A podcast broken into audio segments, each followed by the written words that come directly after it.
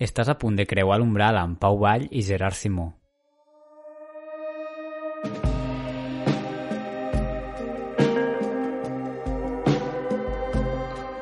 Bon dia, bona tarda, bona nit, benvingudes i benvinguts a l'Umbral perquè us donem la benvinguda a l'últim episodi de la temporada. O de la vida, potser no tornem. Esperem tornar, esperem tornar. Avui ens acomiadem una mica amb un episodi molt rellevant i un que ens fa moltíssima il·lusió perquè a on vam estar la setmana passada, Gerard? Vam anar a Cannes, al festival més emblemàtic del cinema europeu o mundial, quasi. Sí, sí, vam tenir l'oportunitat d'estar a Cannes gràcies a una acreditació que està disponible per tothom que la sol·liciti, que s'anomena Three Days in Cannes, i que originàriament serveix bàsicament per visitar el festival durant 3 dies i poder veure pel·lícules allà, i no cal haver estudiat cinema ni res semblant. Però aquest any què va passar?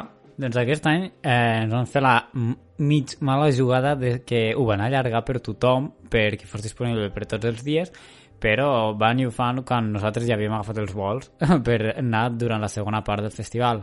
Així que per la gent que va anar-hi els primers dies van poder estar quedar-s'hi tota la resta, com per exemple el Pau Canivell, l'invitat de l'últim podcast sobre Drac, eh, va poder estar tot el festival i veure com més de 40 pel·lícules. Però nosaltres, amb, amb, gràcies a això, també vam guanyar com dos dies de, de festival més, que la veritat vam veure com vuit pel·lícules només en aquest temps extra. Sí, sí, déu nhi la veritat. I bé, en aquest episodi us volem donar unes quantes pinzellades del que ha representat els dies que hem pogut estar al festival, quines sensacions ha donat el festival en si, perquè cap dels dos hi havíem estat mai, com està Cans, com és Cans, quin tipus de festival és, quines pel·lícules hem vist? I sobretot què és el que ens ha agradat més, quins temes s'han parlat? I per què. I la veritat és que tenim moltes coses a comentar, tenim moltes ganes de discutir aquest episodi. Hem de dir que hem passat uns dies també escoltant alguns podcasts del Manu Yáñez eh, d'Otros Cines Europa que sí, amb el Víctor Esquirol que ja la, bueno, jo els havia escoltat també per altres vegades en altres festivals com el de Venècia que són com el podcast de referència per enterar-me sobre les pel·lícules que s'estrenen. Pels dos ha estat com el primer viatge així amb avió després de la pandèmia i per comentar breument, bé, tot un show, la veritat, no té... Mm... Una merda. és que ha estat un rotllo, la veritat, per què mentir. Eh, fer els testos costa diners per viatjar i a part doncs, sempre vas amb la inseguretat i la por que està de i si em demanen això, i si em demanen l'altre, si de cop dona positiu i és mentida. Bueno. En, res... en resum, viatjar s'ha tornat una mica més angoixant i més costós, bàsicament, amb tiempos de Covid. Però bueno, la veritat és que l'anada no vam tenir cap problema i quan vam arribar allà, doncs... La veritat és que la primera impressió del Festival de Cants va ser que, contràriament al que deien, doncs bastant ben organitzat, eh, mm. almenys al principi, vam recollir el passe i tot com superbé a un moment. Sí que Can era molt caòtic de gent, molt petit, molts cotxes, moltíssima gent amb mascareta i, i sense mascareta perquè és Bàsicament sense mascareta. Però, però la veritat és que molt bé. Sí, és veritat això que comentes, que a diferència, a diferència per exemple, el Festival de Venècia, Cans no té com un recinte tancat als cotxes i això és un problema realment perquè per traslladar-te amb la multitud de gent que hi ha et limita molt l'espai i no pots circular per la carretera, diguem, que està al davant i així com a Venècia ho tanquen i fan com... Bé, alliberen el festival, la zona almenys principal, a Cans no, i això sí que és una cosa que em va sobtar i vam trobar a faltar per, per fer els viatges i els desplaçaments més ràpids i efectius. Però ben bé com ha funcionat el festival organitzativament, així fent una pinzellada. Doncs bé, bàsicament cada dia ens aixecàvem a les 7 del matí perquè a les 7 sortien a, a, pues, a estar disponibles les entrades per a les sessions de dos o tres dies posteriors. Normalment com dos dies després, sí. 48 hores. I doncs això la veritat és que no, és, no, no era bo. O sigui, era bo quan ja tenies l'entrada perquè no havies de fer cues, bàsicament... Bueno, havies de fer la cua de pues, anar un rato abans per tindre un bon lloc, però entraves com molt, molt bé, inclús tot i haver els registres i demanar-te els papers del test de Covid, el que sigui, no era, no era farragós. Però sí que despertar-se i els servidors de la web petaven cada dia i doncs la veritat és que moltes vegades no aconseguíem l'entrada que volíem però al ca... o sigui, de cop es saturava molt, no podíem entrar, de fet, el, durant el vol d'anada vam haver d'obrir els ordenadors a dins del, de l'avió, quan, Sí, no sí. havia, quan no havia despegat, òbviament, eh, per comprar les entrades, bueno, comprar-les no, perquè eren gratis, no? però eh, i, bueno, mm, a vegades en, en alguna ocasió sí que jo vaig aconseguir una entrada i ell no, o al revés, i al final o Bueno, sigui, al revés no, sortir... al revés no. Sí, Sempre Vortex la vas sí. aconseguir tu. Vortex la vas aconseguir tu. I No, jo no, i després la vaig aconseguir jo perquè al final la veritat és que sempre vam aconseguir eh, l'entrada que volíem i vam aconseguir veure totes les pel·lícules en una sessió o una altra o fent cua, com ara direm, però ho vam aconseguir veure tot, així que el sistema de xecar-te a les 7 i que es petin els servidors no és bo, però mm, la veritat tampoc em puc queixar molt perquè vaig veure tot el que vaig voler i en principi jo anava a anar allà a ser un desesperat de no poder entrar en lloc, saps? Perquè jo que sé, cans. Hem de dir que al ser espectadors que estan, diguéssim, a l'última fila de la jerarquia de Cans, que prioritza més la indústria i de vegades la premsa, eh, doncs estem molt contents perquè hem pogut veu veure gairebé tot el que hem volgut i no només això, sinó que moltes vegades no hem hagut de patir i hem pogut anar amb tíquets. Què passa, però, si no tenies tíquets? Perquè aquest any ha estat tota una revolució de l'organització del festival i ha deixat de funcionar com funcionava tradicionalment Cans gràcies a la pandèmia. Doncs, bàsicament, hi ha sempre una cua habilitada que es diu Last Minute Queue, una cua d'última hora, en la qual eh, la resta de seients que no han estat agafats per ningú, que la, la persona amb el tiquet no s'ha presentat, doncs els omplen amb aquesta cua. I això ens va permetre doncs, assistir, per exemple, a la Premiere de Memòria o de Red Rocket, del Sim Baker. De manera que estem prou contents. Malgrat que hi ha coses que no ens agrada de Cans, creiem que n'hem pogut treure el màxim redit possible. Hem vist un total de 16 pel·lícules en, 5 dies. en 4 o 5 dies i això està superbé perquè un dia en vam veure 6 seguides i quasi morim, però la resta de dies, 3 o 4, doncs eren... Perquè si Factibles. una era, era molt factible i si una era la Premier invertíem més temps, no? També perquè havíem d'anar a fer la cua i tal, però superbé. Però la novetat més eh, diferent de l'edició del 2021 del Cannes Film, Film Festival ha estat, sens dubte, els testos.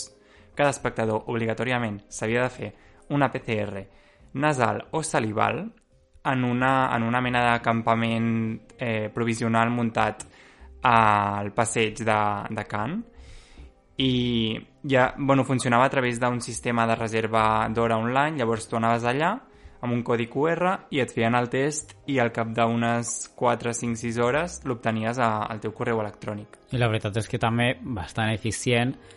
Demanaven el test? pues, No. bueno, quan els semblava. En alguna pel·li t'ho demanaven, en altres no. Eh, quan volies entrar al Palau, eh, al Palais du Cans, o com es digui, sí que du demanaven. De cop anaves a una altra sala i potser no. A les arcades, perquè és el lloc que teníem els de dia, és a dir, com el multicines que teníem els de 3 Days al Cans. No recordo si ens ho van demanar al Cineum aquell, no ens ho van demanar que és un altre complex eh, En total ens ho van demanar tres cops en tot el festival. O Sí. sigui que, bàsicament, el festival s'ha celebrat amb el 100% d'aforament, amb totes les butaques eh, agafades, diguéssim, amb les sales plenes, i en principi tothom té un test negatiu, una PCR negativa a l'entrar, però això es demanava rarament.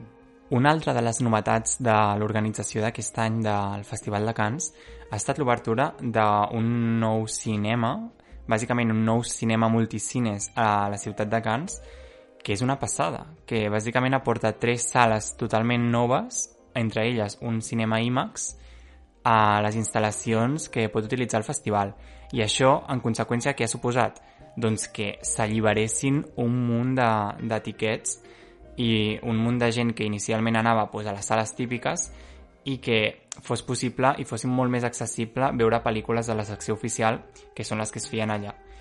I la veritat és que també la qualitat tècnica, tant de so com d'imatge, com la comoditat de les sales, tant aquestes del Cineum com la resta, és espectacular. O sigui, unes butaques fantàstiques, un so super, super, Totalment. super immersiu, però no ho dic de broma, o sigui, de tots els festivals que he anat, a veure, és Can, no? Vull dir, ja és el que toca, no m'esperava menys, però tot i així, pues, s'ha d'agrair i es gaudeix molt, molt més al cinema quan la qualitat acompanya.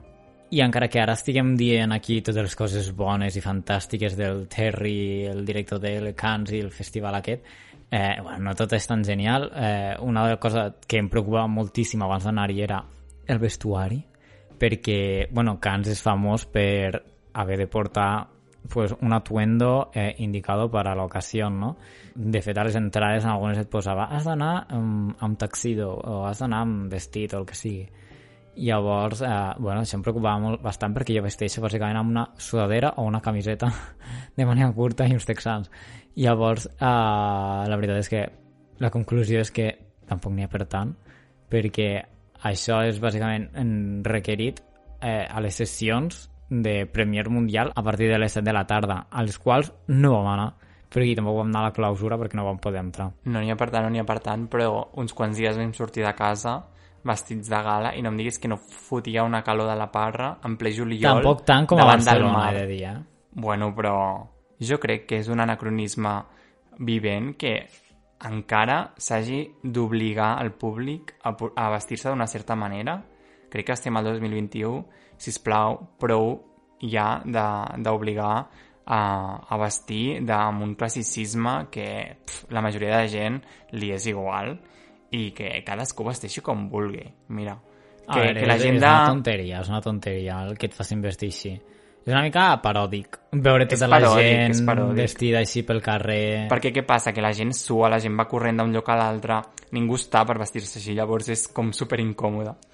Però bueno, això passa només a Can i també, doncs pues mira... És... I en alguna de les sessions, realment. Nosaltres Sí, no totes. vam haver d'anar vestits així elegants, però perquè no sabíem exactament i ens feia una mica de por de que diguessin que no, però realment no vam anar a cap sessió que ens ho exigissin. D'altra banda, com a qualsevol festival de cinema, hi ha una sèrie de temes que estan presents a més d'una pel·lícula, no? I que ressalten perquè donen una mica la tendència, la moda del que s'està veient en el cinema i del que està a l'avantguarda d'un festival com Cannes.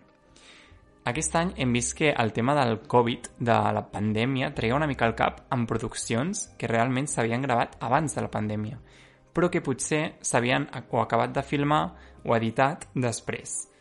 I en pel·lícules com Drive My Car, que no, no direm el que passa, però sí que hi ha un moment que hi ha elements típics pandèmics que abans no eren eh, característics que apareixen en pantalla i realment és sorprenent perquè fins ara mai ens hem trobat amb una situació que porti tant, tant, tant al present com els elements pandèmics com són doncs, mascareta, gel, etc.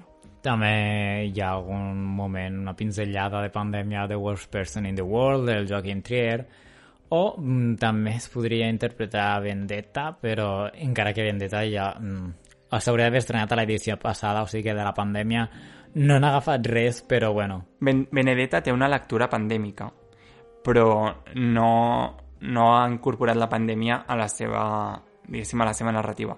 Però tot i així, cau molt bé, jo crec, que s'hagi estrenat aquest any. I si hem de parlar d'alguna cosa que hagi caracteritzat aquesta edició, és bàsicament la pel·lícula que ha guanyat la Palma d'Or, que és Titan, de la Julia Ducournau, Quina sorpresa! que qui ho hauria dit que guanya una pel·lícula de gènere de terror, de gore a, a Cannes i, bueno, encara que ella no es vulguin etiquetar en gènere en pel·lícules de gènere, vaig veure la roda de premsa i deien que simplement cinema però, tot i això, és cinema, o sigui, òbviament, no?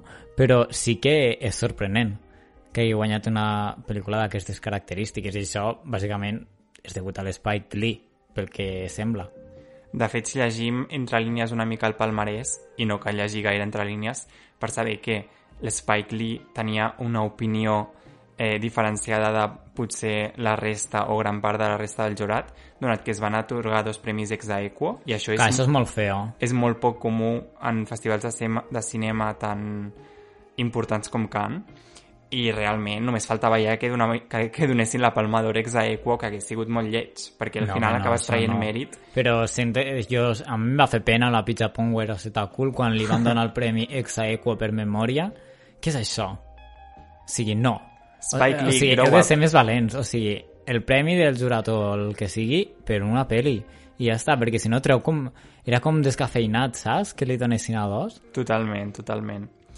I ara parlarem una mica de Titan, perquè realment nosaltres estant allà i veient una mica la reacció de la gent sí que és veritat que va sorprendre i no era de les pel·lícules que estaven potser en la primera posició per guanyar la Palma d'Or però bé, ha, ha passat, és important que hagi passat i és tota una revolució a Cannes. Bueno, i és la primera vegada que una dona sola guanya la Palma d'Or i amb una pel·lícula superarriscada.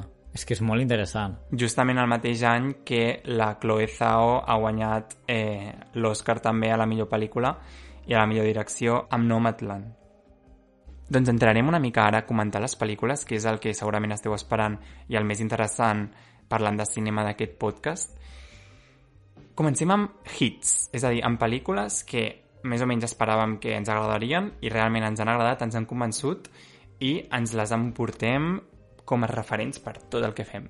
La número 1 és...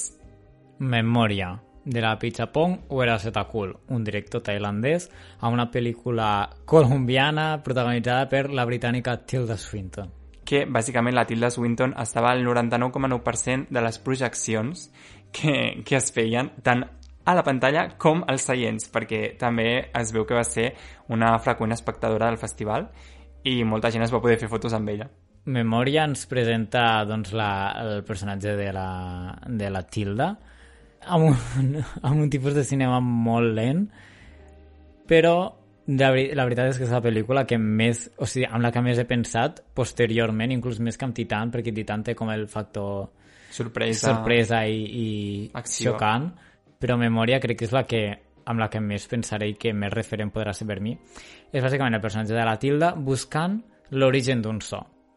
I aquesta premissa per mi ja o sigui, us ha d'atrapar per, perquè l'aneu a veure quan l'estrenin. La Chitapong es va quedar amb tothom després de fer plans de, no sé, gairebé 10 minuts de durada Clar, tranquil·lament. és aquest tipus de cinema, eh? I mm, jo em quedaria una mica amb que és un cinema meditatiu i contem totalment contemplatiu i és, és una mica, ja ho he dit, bueno, ho vaig comentar uns quants cops perquè realment era com entrar una mica en trance i mm, deixar-te portar per la pel·lícula. No és un cinema tant de deixar-te sorprendre com potser viure una experiència en, el, en la sala en si i una ex- experiència immersiva a part. I, i inclús té sorpreses, eh? Tot i això. Tot i això té sorpresa, sí, sí, i té ironia.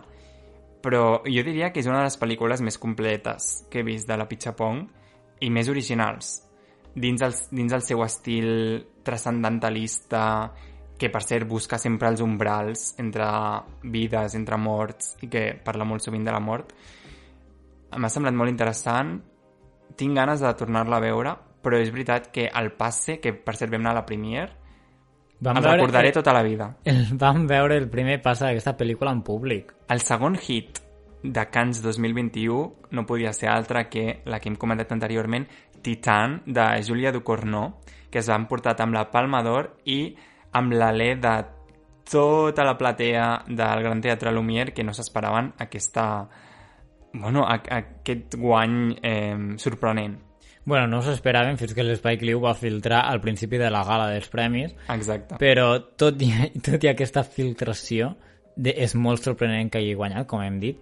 És una pel·lícula molt arriscada. Eh, bueno, és com una, progre és una progressió total de, de la pel·lícula de Rock o Crudo, com es digui, Grave o Grave, Del 2016. que va fer anteriorment. És el seu segon llargmetratge, ha guanyat la Palma d'Or, icònica.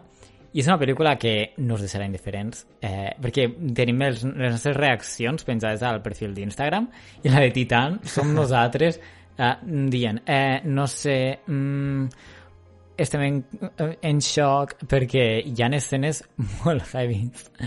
és molt, molt, molt, molt, molt guai.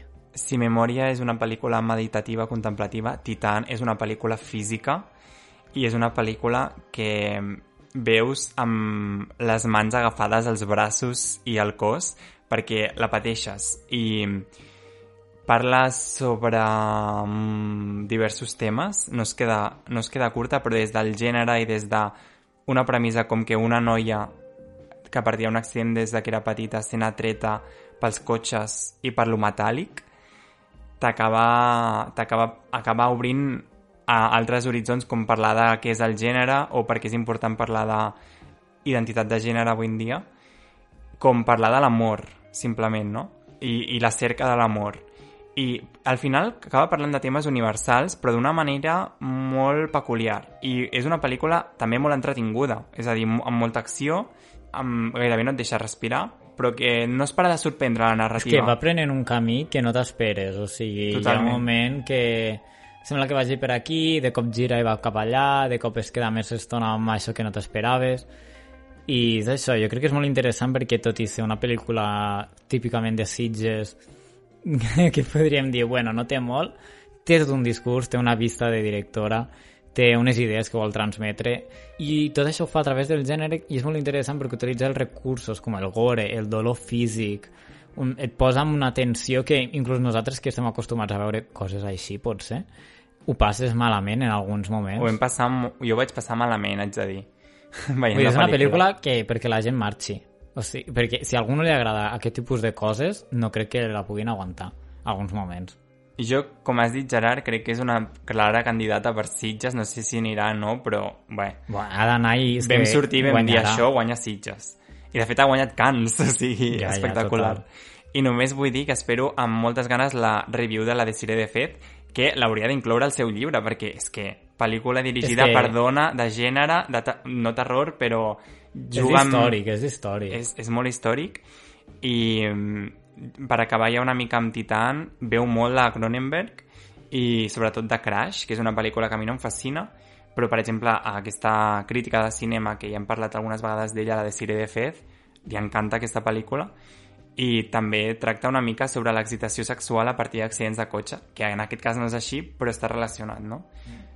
Jo l'únic que vull comentar és que després de veure la roda de premsa em va semblar molt interessant com justificava ella l'ús de la violència física cap al cos i com explica la directora que ja ho utilitza com... El personatge principal de Titan és un personatge molt, molt poc empàtic, que no hi pots connectar per les seves accions, ni per la seva forma de ser, ni inclús per la seva situació gairebé al principi.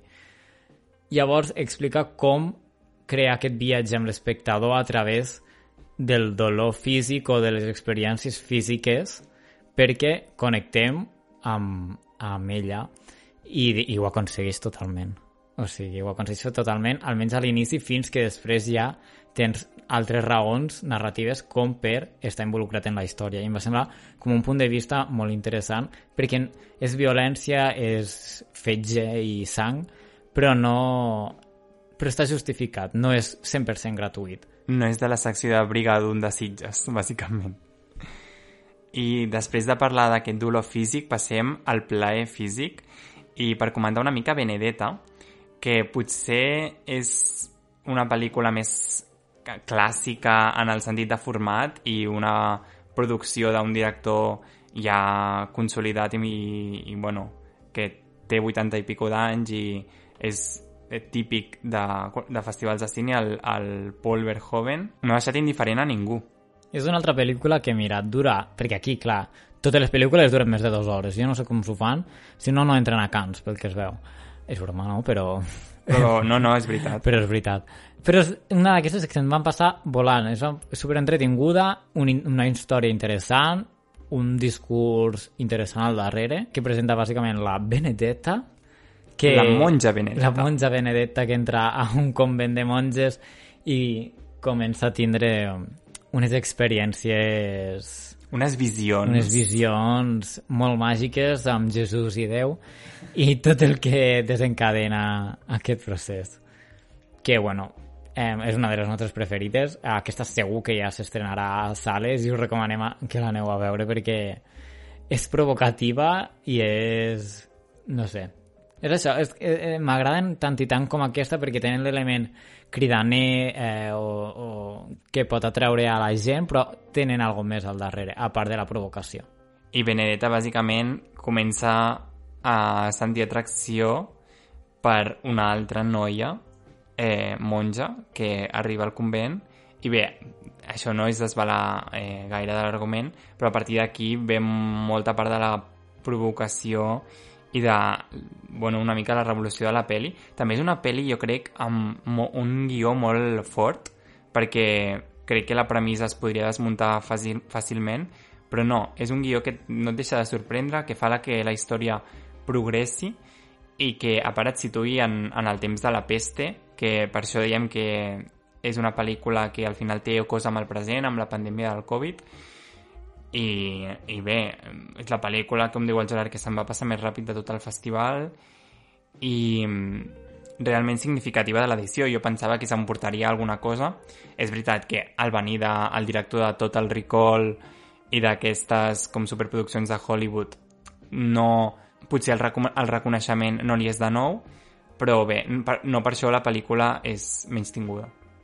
I, doncs bé, aquestes pel·lícules eren una mica les que sabíem que potser ens agradarien, però n'hi ha unes altres que encara són millors, que són les que et sorprenen, que tot i no saber què vas a veure, resulten ser, doncs mira, el que més t'ha agradat del festival. Us presentem les sorpreses de Cannes. La primera d'elles és Vortex, la nova pel·lícula de Gaspar Noé de la qual no sabíem res des de que l'última vegada que el vam veure va ser al Malià el, fa un parell d'anys que diguéssim no estava en les seves millors condicions quan va pujar a l'escenari presentant Lux Eterna i jo no m'imaginava que la següent obra seva seria eh, una obra mm, crua, realista, que aborda el procés d'envelliment d'una parella eh, protagonitzada per Dario Argento i no sé si és l'actriu la, que bàsicament s'emporta la Palma d'Or d'actuació a la pel·lícula. No sé si és la seva parella real, però mm, bàsicament aborda l'envelliment d'ells dos i és realment sorprenent, no? Perquè el Gaspar Noé normalment se'n va cap a històries també més fantàstiques, amb un punt de revolució eh, o experimentació amb la imatge, i en aquí se'n va cap a una història potser més intimista que realment ens va desbordar i és la pel·lícula potser més emocionant de tot el festival. Jo és la que definitivament més malament ho vaig passar perquè veus doncs, com la demència, Alzheimer eh, o altres malalties físiques van apoderant no, d'aquests personatges i, i tot això jo crec que és molt arriscada visualment, perquè no hem d'oblidar que la pel·lícula és gairebé 90% en pantalla partida. Tens a, a la dreta i a l'esquerra dos, un, un, dos plans i vas seguint a dos personatges paral·lelament. Llavors, jo crec que bé, o sigui, el Gaspar Noé segueix en la seva línia, el que passa és que ha abandonat els fluorescents multicolors i la droga. Em referia a nivell de moviment de càmera, de eh, jugar amb l'estat emocional dels personatges i, i aplicar-ho a la imatge i anar com a algo més centrat. I, evidentment, és arriscat visualment perquè cap pel·lícula del festival altra que haguem vist està partida en dos i utilitza la multicàmera eh, alhora, no? que tu veus dos càmeres alhora, però, però aquesta cruesa hi és no? I, al, i en el cinema de Gaspar Noé sempre hi és aquesta cruesa. Vull dir que estic d'acord.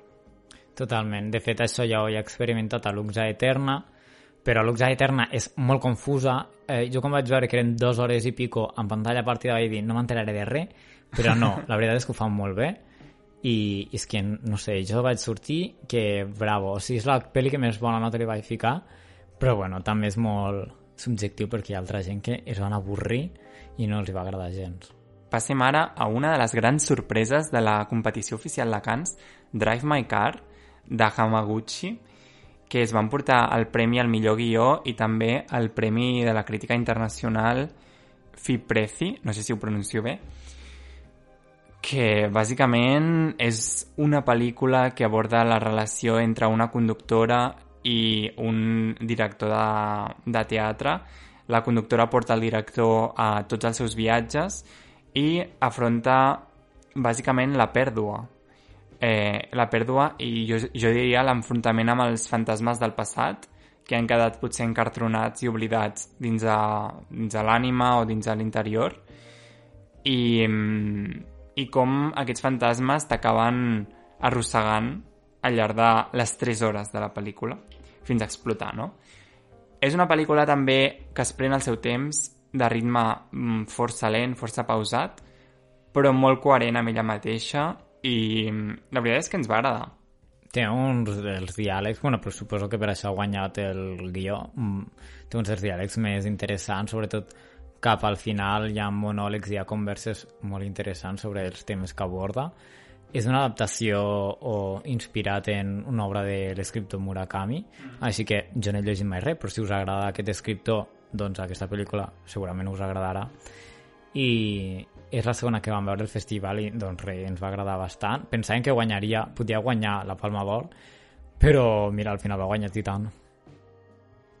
I la tercera sorpresa del festival va ser Blue Bayou del Justin Chon, una obra indie nord-americana que aborda un tema super interessant i una realitat des de la ficció que no coneixíem, que és com gent que va ser adoptada dels 80 fins al 2000 pot ser ara mateix eh, deportada als seus països d'origen quan no hi tenen res, ni coneixen ningú, ni hi tenen família. Una situació com molt sorprenent de la qual no en teníem ni idea de què podia passar. I el mateix director, que és el protagonista, eh, ens explica que un derrama molt, molt intens, i, però d'una forma molt bonica i formalment molt interessant, pues, un dels exemples de, del que es pot afrontar gent adoptada als Estats Units. És una pel·lícula que clarament podria estar al Festival L'Americana perquè té el look i té la història de, pròpia d'aquest festival. Té una fotografia preciosa, um, suposo que gravada amb 35 mil·límetres, tot i que no ho sé segur, però té una textura eh, bueno, que es diferencia de, de la majoria de pel·lícules. És veritat que és una pel·lícula extremadament romàntica i amb romàntica em refereixo a romanticisme del segle XIX eh, sense cap que et fa sentir i deixa a part qualsevol cosa relacionada amb la raó i et porta, diguéssim, a l'emoció pura. I això està bé, però té aquest punt de risc, no? Tot i això, crec que és una pel·lícula força rodona i que visibilitza la situació amb uns personatges interessants, plens de vida, tant els protagonistes com els secundaris, que crec que és, és molt digna de la secció que, que pertanyia a Cannes, perquè aquesta pel·lícula estava a Uncertain Regard, no estava a la secció oficial, i que segurament veurem en, durant, aquest, durant aquest any, la veurem a festivals. Obrim ara sí el tercer bloc, el bloc més esperat, que és el bloc de les decepcions és a dir, pel·lícules que teníem unes certes expectatives però que a l'hora de la veritat no ens han acabat de fer el pes, almenys a l'hora que vam sortir de la sala. Comencem per la primera, no?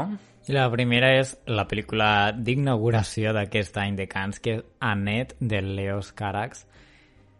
Ai, un musical amb Leos Carax i una història i música de Sparks que, bueno... Um... És dur que un musical... No sé et decepcioni perquè... Desconcertant. Quan vas a veure un musical ho vas a donar tot. Ho vas a, vas a gaudir, no? O a patir, però, però vas a, com a espectador vas a donar-ho tot. I a mi és un musical que em va marejar. I ho he repetit des de que vaig sortir de la sala, però malgrat tenir una història lineal que aborda aborda la fama, aborda les conseqüències dels egos a Hollywood... És que jo crec que un dels problemes és que no m'ha portat res que no hagi vist abans. Aborda l'anel a ser reconegut, sobretot, i el, rec el reconeixement exterior. Sí, és veritat que és un tema que ja s'ha tractat en moltes altres obres i que es queda una mica curt, perquè no és gens revolucionari, malgrat que Leos Carax i la seva direcció eh, sí que té, té elements interessants i juga amb la imatge física. És veritat que la pel·lícula en si és una mica confusa i és una mica desorganitzada i barreja estils que de vegades desconcerten una mica l'espectador.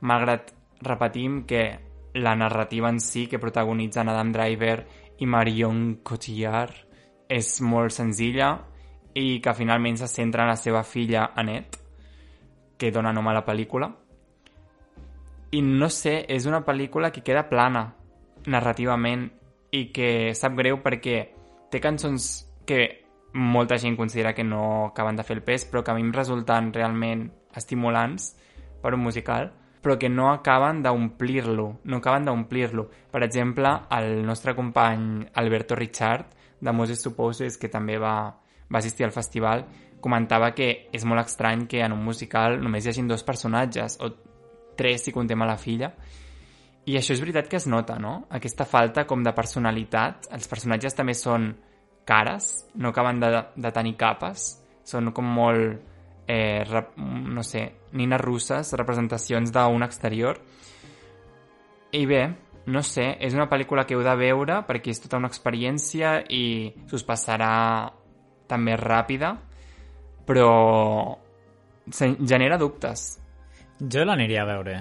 O sigui, de fet, la tornaria a veure si ens amb un grup d'amics, perquè entretinguda i tal és... Però tot això, vull dir, tot això venim des d'un punt que a nosaltres, els Caracs, ens agrada Holly Motors, em sembla icònica, m'encanta. No I perquè... tant. O sigui, a mi que em fiqui un, un, un fundido raro con una cosa flotante en la imagen, a mi m'encanta, vendido. Vull dir, a mi, jo estic colint per les coses rares al cinema, eh, o sigui, que em fiquin llums verdes i això com fa ell però jo, venint molt positivament i disposat a que m'agradés molt aquesta pel·lícula, no, no amb expectatives, sinó havent vist que no havia agradat en general, jo venia positiu de, vale, vinc disposat, tot i això no em va acabar de fer el pes. Potser necessitaria que algú em donés més raons perquè m'entusiasmés més i no es quedés com una mica en l'oblit. És veritat que la crítica ha restat bastant a nivell positiu i ha agradat però... però a, bueno, allà, ha guanyat, de fet, la millor direcció. Ha guanyat la millor direcció. Però allà al festival, parlant amb la gent, parlant amb la, amb la gent que feia cua, no entusiasmava el, el públic en general. Jo crec que crítics. això a sales comercials no agradarà. És un flop, això, a sales comercials. No, o sigui... Ni a fet, França. No ho sé. I una altra pel·lícula que, bueno, tampoc ens va entusiasmar molt és A Hero, de l'Asghar Farhadi, que és el premi del jurat exaequo també amb memòria. bueno, no sé, simplement mm, Asghar Farhadi siendo Asghar Farhadi una mica. Eh, sí, un drama de un señor que debe dinero y muchos diálogos, mucho tiempo. Està ben feta. O sigui, jo sé que al Pau no li ha agradat gens. La pel·lícula està ben feta. I està bé, a mi va agradar, però, bueno, mm, és que me da igual. Jo ets a dir que no em va, no em va agradar, em vaig trobar molt redundant la història, no em va generar cap mena d'interès i em, em xoca molt quan hi ha moltes persones que els agrada, perquè aquesta pel·lícula ha entusiasmat, ha, ha agradat molt. A mi és que crec que fins i tot em vaig a dormir i no puc recordar ara els detalls, però és que se'm va fer llarga i pesada. I això, quan una pel·lícula se't fa llarga i pesada, vol dir que no hi ha per on agafar-la des del punt de vista pers meu personal, perquè jo sé que a molta gent li ha agradat. O sigui, a mi no m'ha semblat tan exagerat, però sí que és com una petita història i vas veient com tots els interessos, els conflictes entre els personatges, tots el... tot de petites i grans situacions que es poden donar. Que, bueno, em va semblar bé, però em va semblar, pues, ok, next, vull veure alguna més que m'interessi més. I per acabar l'apartat de decepcions, parlem de The French Dispatch, de Wes Anderson, la qual s'ha esperat un any sencer, com altres pel·lícules de Cannes, de, perquè estava seleccionada per Cannes 2020 per poder estrenar-se.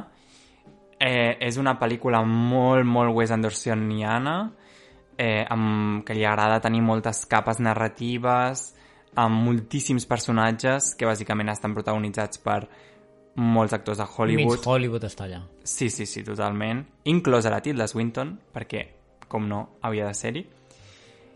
I la veritat és que és una pel·lícula que, malgrat ser eh, entretinguda, acaba resultant plana i acaba resultant innecessària.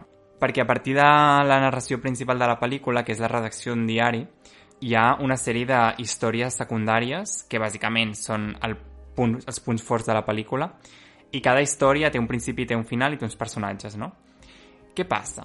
Que, malgrat ser super estimulant vis visualment, eh, tenir uns decorats brutals, una, uns moviments de càmera i una proposta fotogràfica i visual realment interessant, molt al nivell de visualment de Gran Hotel Budapest i altres treballs de, de Wes Anderson, passa que perds interès en la història. Perquè realment... Et dona igual la història. Quina és la història? Dona igual. O sigui, a mi em va semblar una excusa perquè ell dirigeixi. O sigui, a, o sigui, em va agradar la història del Benicio del Toro, que és un pintor, i em va semblar com graciosa i entretinguda. De les altres, de la del Timothée Chalamet i tal, eh, sí, hi havia conceptes interessants, però no parava de pensar que en plan, em dona igual, i cada cop que tornaven a la redacció del diari, en plan, me dona igual aquesta història. O sigui, aquesta pel·lícula em dona igual, em sembla zero interessant. Llavors pensava, per què ha fet... O sigui, aquesta pel·lícula l'ha fet... O sigui, em sembla com tota una excusa per, per dirigir. O sigui, perquè lo interessant i lo entretingut de la pel·lícula és la direcció i l'apartat visual. Llavors, realment em sembla que no... Bueno, no sé. Sí. La pel·lícula està mal? No està mal la pel·lícula. O sigui, aneu-la a veure perquè realment és, in és interessant visualment de veure, però jo crec que mm, si la, mm, falta una història com que m'interesses més. Sí, falta una història que t'atrapi i després de les subhistòries, a mi la del Timothée Chalamet, que és la segona, sí que, em va, sí que és la que em va agradar més, crec. Però quan es va acabar vaig pensar, ai, i ara, que és que la història principal és que no... És que tornes a la principal no i dius, res. un ex, o sigui... I, I és una pel·lícula talla, llarga, també, un altre veus cop. aquesta història, de cop et talla, de cop torna a l'altre... Que bueno, que ja juga ell una mica amb aquests nivells de la narració, eh? Però, jo què sé, no ho per mi no ho ha aconseguit fer de forma interessant. I a part, la pel·lícula o el guió té una certa comicitat eh, pròpia de Wes Anderson que no... tampoc m'acaba d'atrapar. No sé, no em fa riure.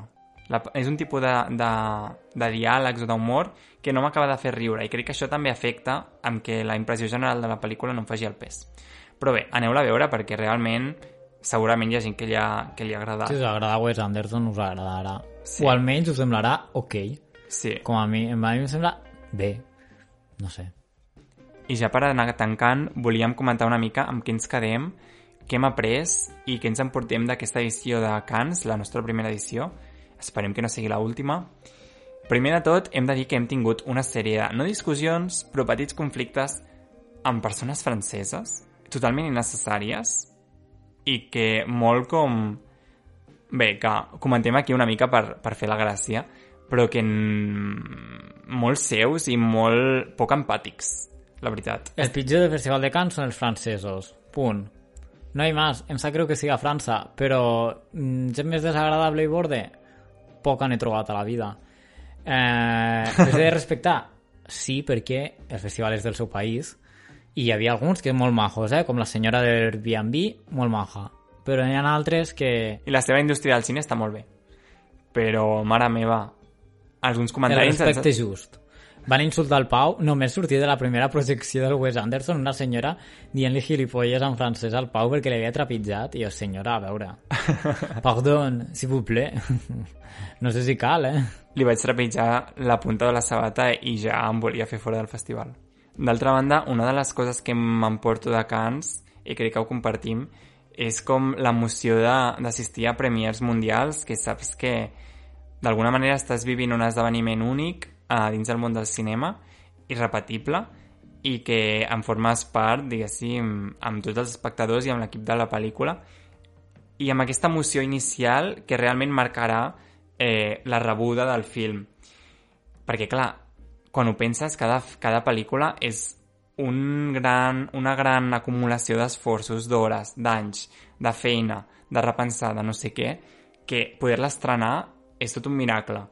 I viure-ho amb aquesta emoció continguda durant, durant les premiers crec que és algo que Cans sap mantenir molt bé al Gran Teatre Lumière i que hem viscut. Això ha estat superguai. I, de fet, és que el millor de Cans és que és Cans i que moltes de les pel·lícules són pues, molt bones, o simplement bones, perquè n'hi ha altres que no han parlat, que n'hem vist 16, i de les 16 ens han decepcionat una o dos, i això és un ràtio de negatiu-positiu molt bo, perquè jo què sé, també hi ha la pel·li de la Mia Hansen Love que a mi em va agradar, la de Berman Island. Um, no sé, és que veiguis el que veiguis, eren pel·lis que, tio, eren de qualitat, saps? És molt elitista i tal, perquè totes volen anar allà i trien no sé què, però no sé, és un, go és un goig i gaudeixes molt. Eh, quin poder, goig. Quin goig. Poder veure tantes pel·lícules i que siguin bones i que siguin de directors superguais i que estiguin allà ells. I l'última cosa que hem après és que no podem portar forquilles al Gran Teatre Lumière de Cants ni a cap altre lloc. Bueno, és que això som una mica... Perquè- De poc pensar nosaltres. Què passa a nosaltres? Que anem al poble més luxós de França i ens fem un taper de macarrons amb forquilles metàl·liques. I clar, allà passes un control de seguretat i el segon dia ens les van treure i eren les forquilles de l'Airbnb. I bàsicament que no, que hem d'anar amb entrepans o amb coses que es puguin menjar o comprar allà. Clar, tu la senyora em va dir, però a veure, amb això podries assassinar algú, clavar-li. I jo, a veure, senyora, veu el taper de macarrons? però em va dir, en plan, ella rient, en plan, em sap greu, però... Plaît. Ho entenc, ho entenc. És com si passessis a, a, pues a un aeroport, no? I no deixen entrar res d'això. I vam haver de comprar forquilles per la senyora de l'Airbnb. Però bueno, d'això s'aprèn i ara ja sabem que el pròxim cop es mengen bocates i poc més. I fins aquí el nostre últim episodi de la temporada, el nostre 22è episodi, i es fa... Eh, és emocionant dir-ho perquè, bé, ha estat tot un esforç durant el nostre últim any de carrera poder mantenir aquest podcast viu, estimulant, sobretot després de veure que la majoria de podcasts moren després del segon, tercer episodi, i nosaltres hem seguit aquí amb els millors episodis i amb els pitjors, suposo que hi ha alguns que us han agradat, alguns que no, però ho hem intentat fer el millor que hem pogut amb el temps que hem tingut i estem contents de dir que tenim moltes ganes de preparar la segona temporada, estem dissenyant una pàgina web per expandir els nostres continguts i tenir eh, tota la informació del podcast recollida allà. I bé, no sé, què més comentar? Jo només puc dir que moltíssimes gràcies a totes les persones que han clicat un cop a un episodi o a tots, com alguns dels nostres amics, i que seran pocs, seran molts, però almenys, mira, nosaltres ens ho estem passant bé. Eh, esperem que pugui seguir endavant aquest projecte, que tornarem al setembre o octubre o quan ens sembli amb, amb més novetats i, i res, esperem que sigui mi, més i millor i que, no sé, que està molt guai crec que tenim episodis Sí. bastant entretinguts hem parlat amb gent bastant interessant hem pogut acabar el podcast parlant de cants que si m'ho haguessis dit al principi de curs no m'hauria cregut Vam començar amb Sitges i hem acabat amb Cans. sí, sí, Ha estat tota una experiència. Tenim ganes de poder expandir el podcast amb plataformes més grans. Si ets una persona productora de ràdio, posa't en contacte amb nosaltres perquè tenim ganes de portar el projecte més endavant i res, com ha dit el Gerard, moltes gràcies a tothom per escoltar-nos i ens veiem aviat creuant l'umbral. i com que això només és un inici us deixem amb la cançó inicial de Anet, de Leos Carax So May We Start So, may we start?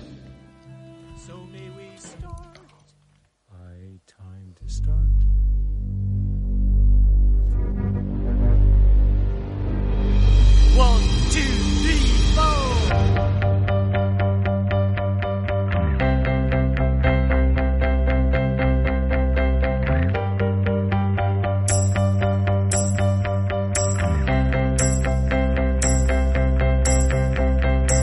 So may we start.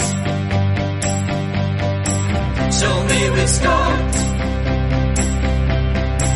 It's time to start. To start. They hope that it goes the way it's supposed to go. There's fear in them all, but they can't let it show. They're underprepared, but that may be enough. The budget is large, but still, it's not enough. So may we start. May we start, may we, may we not start. So may we start.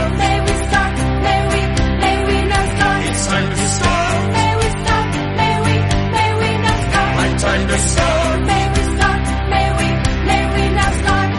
We fashioned a wall, a wall built just for you. A tale of songs and fury with no taboo. We'll sing and die for you, yes, in minor keys. And if you want us to kill too, we may agree. So may we start, may we start,